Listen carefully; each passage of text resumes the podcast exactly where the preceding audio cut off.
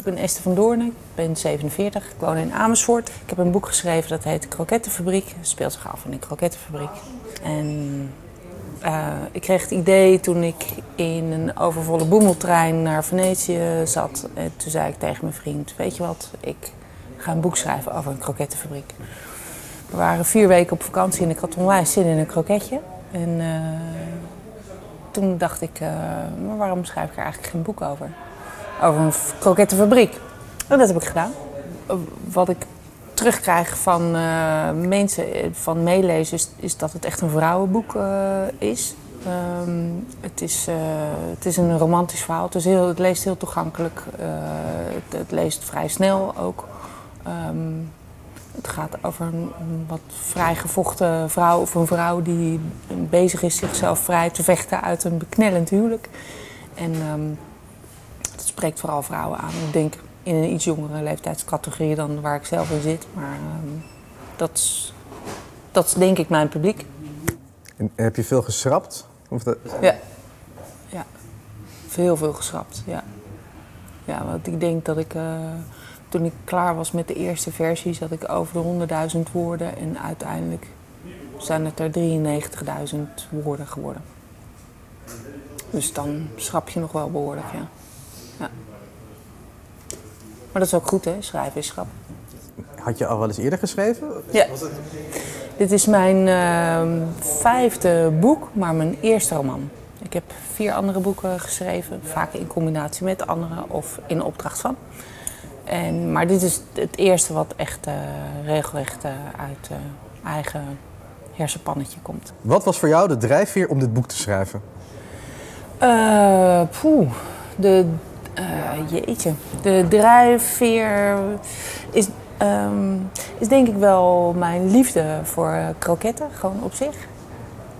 En mijn liefde voor schrijven. En die twee gecombineerd, ja, resulteert in de krokettenfabriek. En waar komt die liefde voor kroketten vandaan en voor schrijven? Uh, de liefde voor kroketten is iets van heel vroeger. Uh, ik denk dat. Uh, we hebben daar, ik heb daar een discussie over met mijn ouders, maar in mijn beleving maakten zij ons regelmatig wakker vroeger om uh, s'nachts een kroketje, of voor ons dan was het s'nachts, een kroketje te eten. Het was dan zo om een uur of elf, dan had mijn vader honger en ging dan een kroketje halen. En dan dacht hij, kom, dat doen we voor iedereen. En dat is een hele leuke herinnering. Dat je, dus dat heeft iets nostalgisch. Ik vind het heel erg lekker.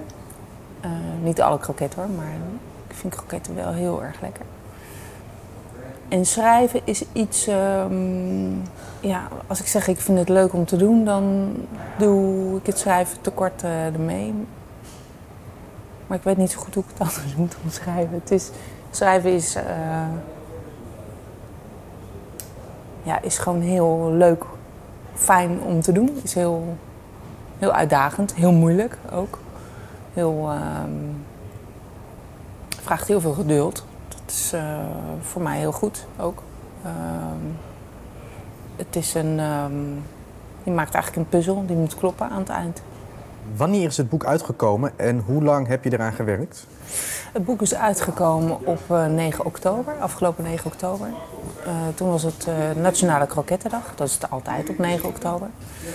Mm, ik heb er mm, ruim anderhalf jaar aan gewerkt, maar tussen idee en uitgave, daar zit drie jaar tussenin. Dus voordat ik echt begonnen ben met schrijven, daar zat nog heel veel tijd tussen. En hoe komt dat, zeg maar, dat dat zo lang... Uh, of... Nou, omdat er ook gewoon gewerkt moest worden. En, ja, ik had andere dingen te doen. Dus ja, schrijven kost vooral heel veel tijd ook. En die tijd moet je hebben, die moet je nemen. Je moet die concentratie hebben. Um, ja. Wat is voor jou de essentie van schrijven?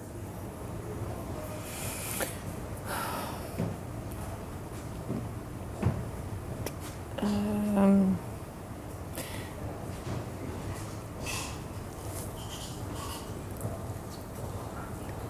Mag ik hem even parkeren? Mag hem even parkeren. Uh, wat kan het schrijverschap moeilijk maken? Schrijven is een eenzaam beroep. Dat maakt het lastig. Dat maakt het uh, uh, ook heel uitdagend. En niet altijd even leuk. Een eigen boek uitgeven. Het hele proces, hoe heb je dat beleefd? Um, nou, eigen beheer uitgeven is heel ehm, moeilijk, want er zitten heel veel facetten aan waar je natuurlijk nul ervaring eh, in hebt. Dus daar moet je heel erg in verdiepen. Dat is ook heel leuk, want het is nieuw en uh, dat vraagt dat je allerlei uh, creativiteit erop los moet laten. Is, wat ik heel moeilijk vind is om je eigen product te verkopen. Dat vind ik het allerlastigst. En ik heb mezelf voorgenomen dat ik me niet uh, ga schamen voor wat ik gedaan uh, heb. Dus dat ik niet de bescheiden auteur ga uithangen. Maar ik dacht, ik moet gewoon uitpakken. Ik wil gewoon verkopen. Klaar. Al is het alleen maar om de kosten eruit te halen. En, en, wanneer ben je begonnen met de promotie? Uh, ik ben al heel lang begonnen, uh, geleden begonnen met het vertellen aan iedereen dat ik een boek aan het schrijven was. Dat was voor mij tegelijkertijd stok achter de deur om het ook echt te gaan doen. En me niet meer te verschuilen achter van, uh, hè, dat, ik het, dat ik het niet meer hoefde te doen. Dus dat moest wel. En dat was meteen ook promotie. Um, maar ik ben pas echt losgegaan toen ik ook wist dat ik het ging halen en dat het allemaal in orde was. Dus dat was vrij kort van tevoren. Een week of nou, vier, vijf van tevoren, zeg maar, dat ik mijn Facebookpagina heb gelanceerd, uh, website, uh, dat soort dingen allemaal. Um, had je ook een PR-strategie? Ja, ik heb een aantal mensen heb ik uitgenodigd om me te helpen met die PR-strategie.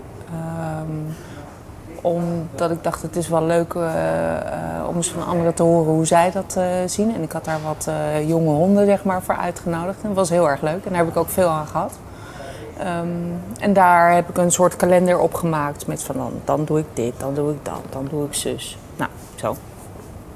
Zijn dat gewoon mensen uit je vriendenkring? Ja, dat zijn gewoon mensen uit mijn kennissenkring. Ja. Um, en welke promotiemiddelen heb je ingezet en wat zijn je ervaringen daarmee? Um, ik heb het vooral op social media gegooid als uh, promotiemiddel. Uh, en, en ja, zoals je dat doet, weet je, dan pak je eerst je eerste kring, dan je tweede kring, dan je derde kring. Dus mijn presentatie was ook een heel belangrijk promotiemiddel, vooral voor de eerste kring. Facebook is een heel belangrijk middel en ik heb een boektrailer gemaakt. ja, die ik ook gepromoot bijvoorbeeld via social media inzet. Uh, wat adviseer jij auteurs in spe op het gebied van schrijven en promotie? Ik zou adviseren om daar altijd hulp bij in te schakelen. Sowieso in, in je schrijfproces, maar ook in je promotieproces. Maak gebruik van het netwerk wat je hebt. Dat is heel goed. Mensen hebben altijd ideeën waar je zelf niet op komt en waar je. Mensen willen je ook graag helpen. Uh, en daar moet je niet bang voor zijn om die hulp in te schakelen. Dat is ook leuk om te doen, want dat maakt het minder eenzaam. En het, weet je, een boek uitgeven is een boek schrijven en een boek uitgeven is gewoon doodeng. Het is alsof je in je blote kont op een kruispunt uh, gaat staan. Mensen gaan er even goed wel wat van vinden. Dus haal gewoon hulp in huis. En, en als je kijkt naar romans, wat zijn jouw. Uh... Wat mijn favoriete schrijvers zijn, mijn favoriete auteurs. Um, wat ik heel leuk vind om te lezen, of heel leuk, het is niet per se leuk, Tommy Wieringa bewonder ik erg. Um, ik vind Annegine Goemans een hele goede schrijfster.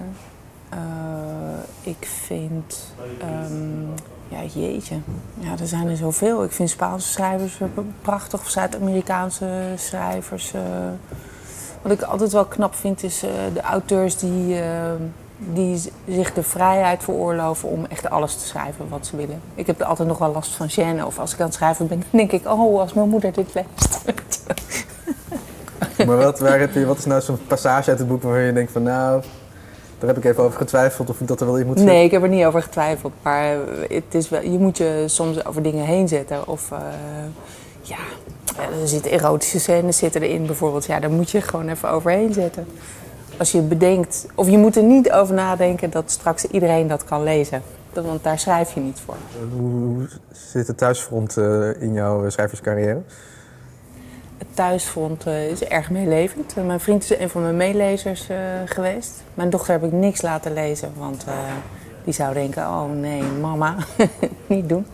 Die is twintig, dus die zit niet meer gelukkig in de leeftijd dat ze zich schaamt voor mij, maar wel in dat ze natuurlijk de dingen van vindt. En, uh, maar ze vinden het allemaal heel stoer en heel leuk.